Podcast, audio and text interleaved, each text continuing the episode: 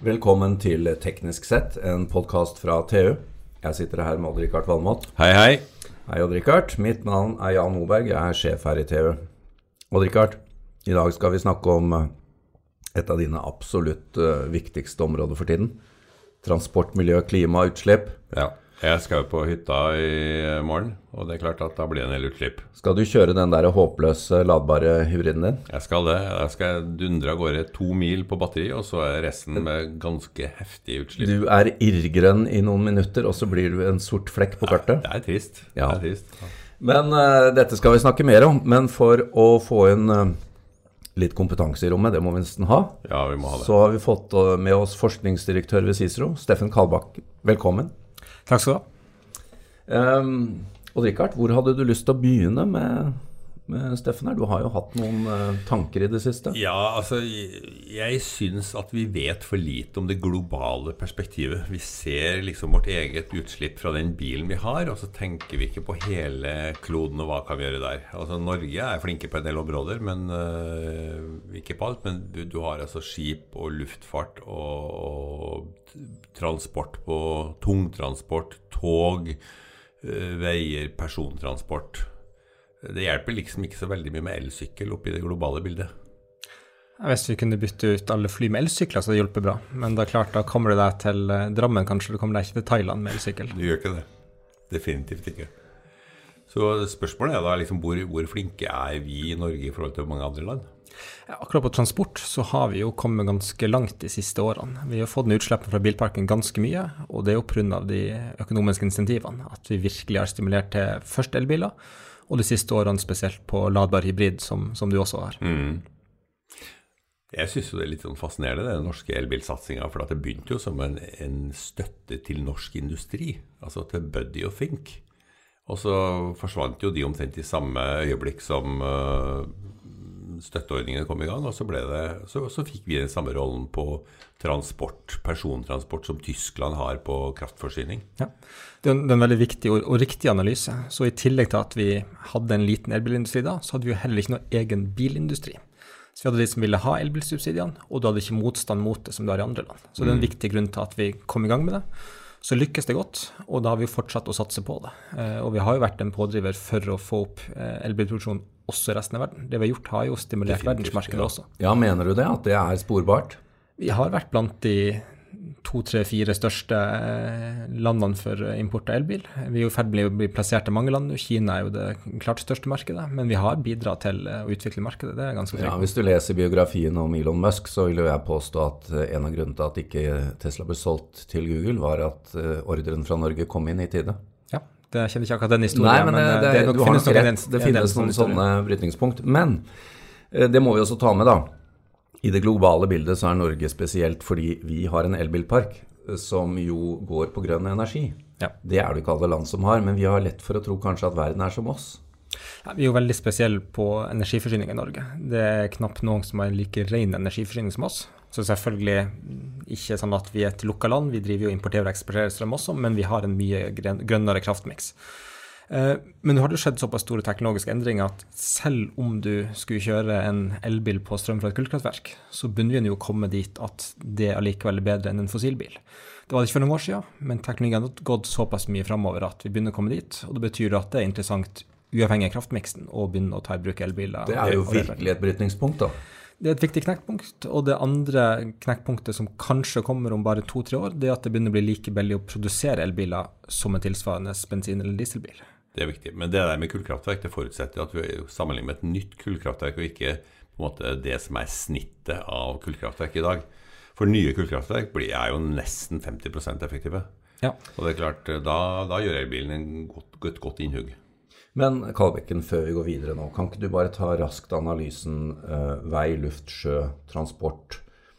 Hvor mye utgjør dette? Altså hvor viktig er det for oss å, å, å få eh, miljøvennlig drift av, av disse områdene?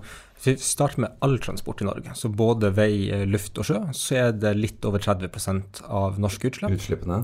Ja, og det Og da snakker du om territoriet vårt. det er snakk om på norsk territorium, ikke Ja. det som skjer internasjonalt. Det blir ikke tatt med i, Men det er inklusive regnskap. skipsfarten langs kysten. Ja, det stemmer. Og også innenriks luftfart. Ja. Eh, og hvis da bryter det ned igjen, så er veitransporten noe rundt 20 av utslippene. Og så betyr eh, det til sjøs litt mer enn det i lufta. Akkurat. Så dette med å elektrifisere eh, transportnæringen i Norge, det er et kjempebidrag eh, lokalt, eller altså regionalt i Norge, da. Det betyr veldig mye for Norge, spesielt sånn gjør har innretta politikken. Der vi på en måte har latt det med å kutte utslippene fra olje- og gassindustri være opp til samarbeid med EU. Da det er transport og jordbruk vi på en måte skal gjøre på hjemmebane, og da er transport den klart største delen. Men hva er eh, raskt eh, status da innenfor vei, luft og sjø? Det har jo gått veldig mye fortere framover på vei enn på luft og sjø. Og da snakker vi om elbilsatsing, egentlig. Vi snakker om elbil, men det er også overgang da til økt kollektivtransport. Eh, bruken av biodrivstoff, som selvfølgelig er komplisert og et vanskelig spørsmål, men det har skjedd ting der også. Eh, og så er det vanskeligere da å dytte et eh, batteri inn i et fly, f.eks. Eh, det kommer bedre, lengre på tung- tungtransport enn på sjøfart og luftfart, eh, men det skjer jo ting også i de sektorene. Men det som er tungt og skal flytte seg langt, det er vanskelig. Ser de fleste for seg at eh, det, det handler om å f.eks. få gods over på bane, og så handler det om å få tatt i god bruk bærekraftig biodrivstoff. Det er vanskelig å se for seg at man bruker el på det som er tungt og skal langt Ja. i de nærmeste årene i hvert fall. Ja. Så det, dette, dette henger jo eh, sammen på en fin måte nå eh, med at eh, Du var inne på det før vi begynte eh, denne sendingen.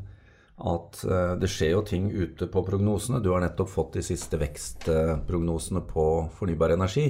Altså når eh, flere land får fornybar energi, så vil jo elbilparken virkelig bli en grønn satsing. Men hva er status nå på fremveksten? Det, det kom eh, tall i går fra FNs miljøprogram som viste at i fjor så investerte verden mer i fornybar energi enn i fossil energi. Både når målet i antall kroner og i kapasiteten som er installert. Og da vil jo jeg tenke at nå har eh, finanseliten begynt å kaste sine øyne på, på vekstmarkedene.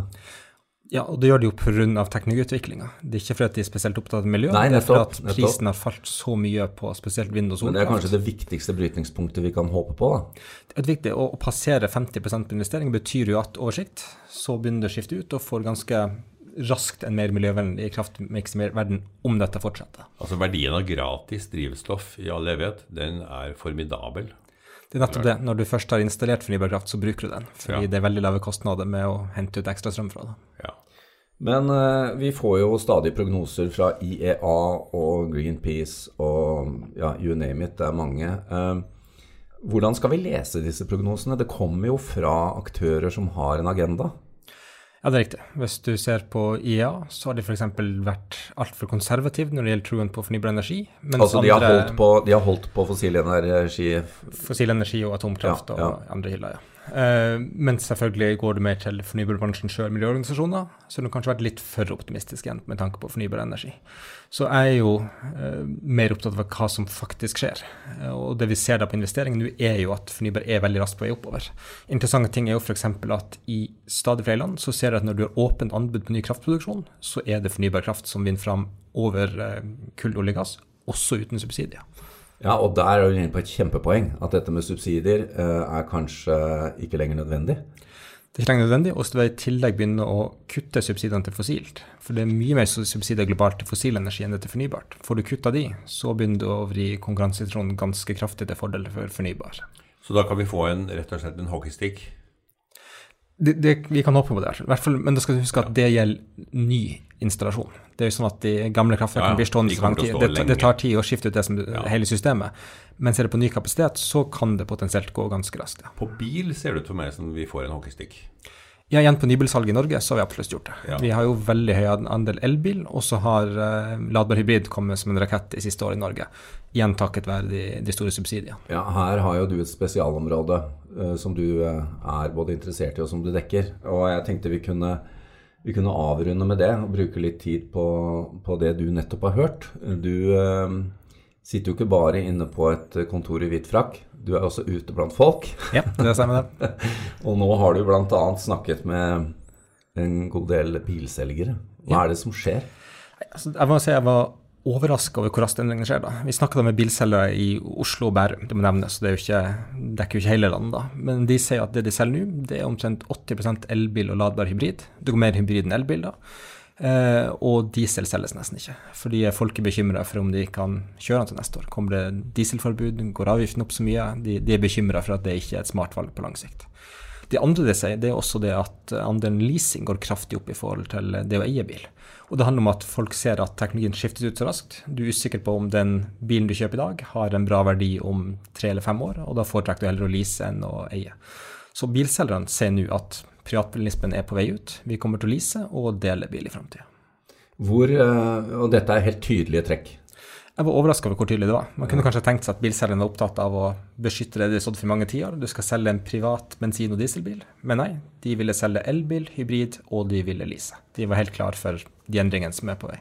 Akkurat. Og, og litt om modellspekteret. Nå nevner jo du at det er en del hybridbiler som uh, selger bra. Og det har jo kommet en del store eksklusive biler. Ja. Hybridløsninger som egentlig har fått en, en god pris.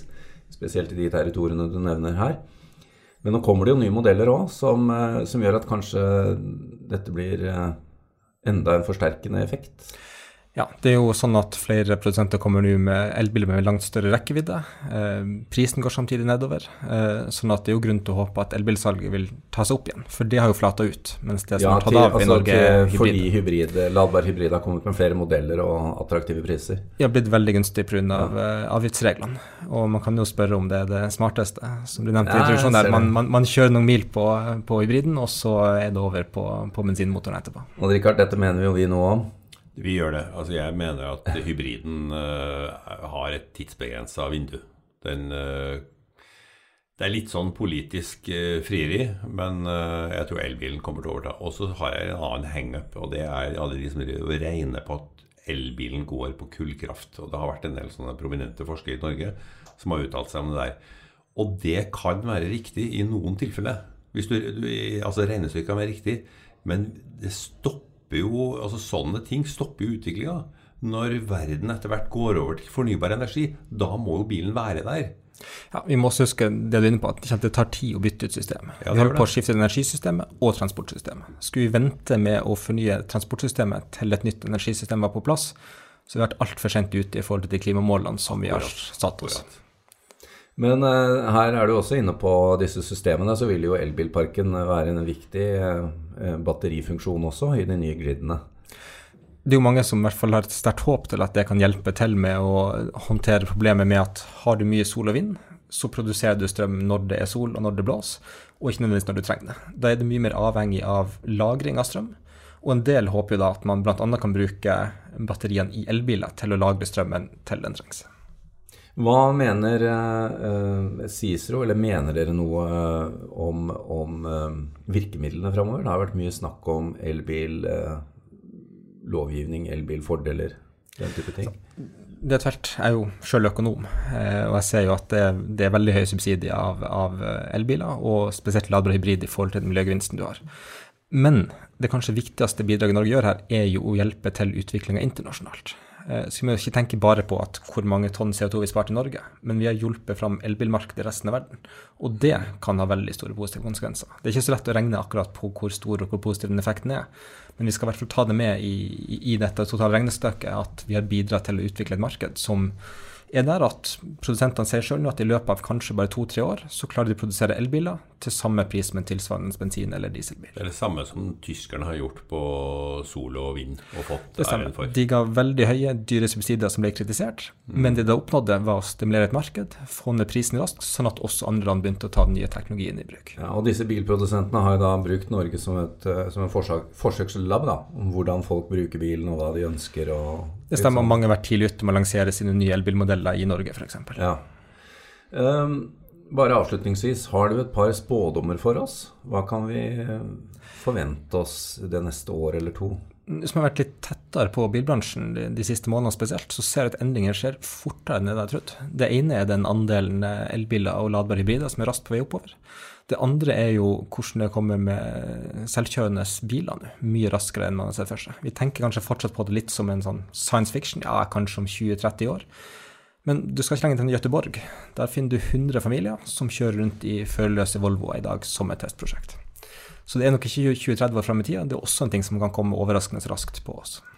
Her høres det ut som vi er på tema for en fremtidig podkast, Richard. Ja, altså Jeg vil eh, gjerne ha det i løpet av dagen, da, for jeg vil eh, selvkjøre til hytta. Det fins jo ikke noe kjedeligere enn å sitte i bilkø i Du vil 30 sitte i bilen på vei til hytta og skrive Ja. artikler for TV, du. Absolutt. Absolutt. Veldig bra. Tusen takk, eh, Steffen Kalbekken. Vi kommer til å invitere deg tilbake. Jeg er helt sikker på at vi har mer å snakke om.